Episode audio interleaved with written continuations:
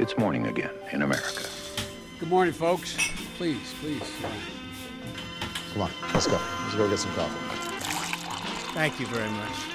Det er torsdag 7. september, og målkaffen fra amerikanskpolitikk.no er servert. Trump ble i går enig med demokratene om en økning av gjeldstaket. Eh, og Det var da et demokratisk forslag fra Nancy Pelosi og Chuck Schumer eh, i Huset og Senatet, eh, som bl.a. gikk ut på å heve gjeldstaket og finansiere de føderale myndighetene fram til midten av desember.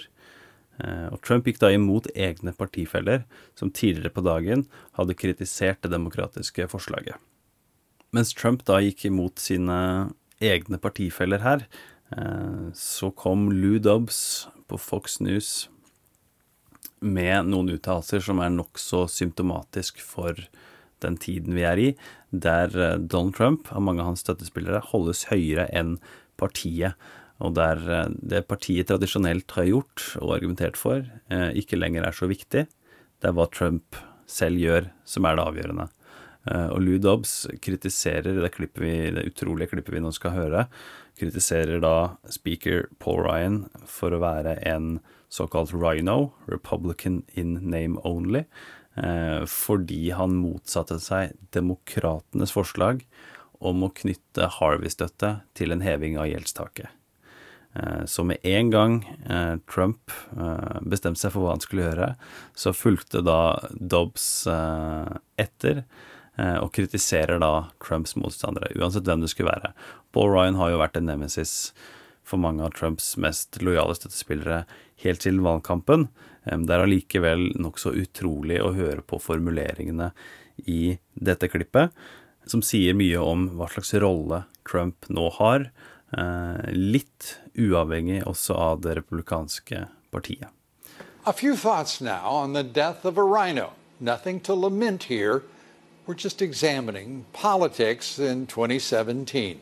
I'm talking about Speaker Paul Ryan and his obsequious debts to corporate lobbyists, his unbridled hostility toward President Trump.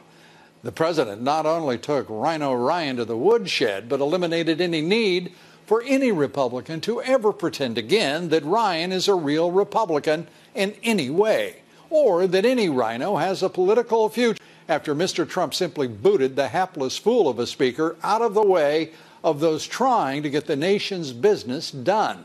Here's the clueless Ryan just this morning talking about a proposal tying Harvey funding to an increase in the debt ceiling.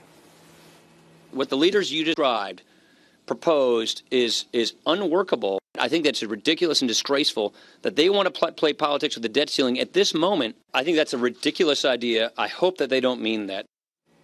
They did mean that. And it wasn't so ridiculous, it turns out, because within just a few hours, President Trump reached a deal with the Democrats to raise the debt limit to fund the government until mid December while providing funds for Harvey relief.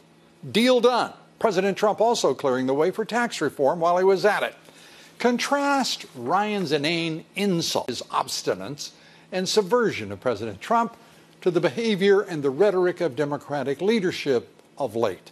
They've calmed themselves. They've been far more conciliatory in their rhetoric over recent weeks, and now Ryan is fully exposed to the nation.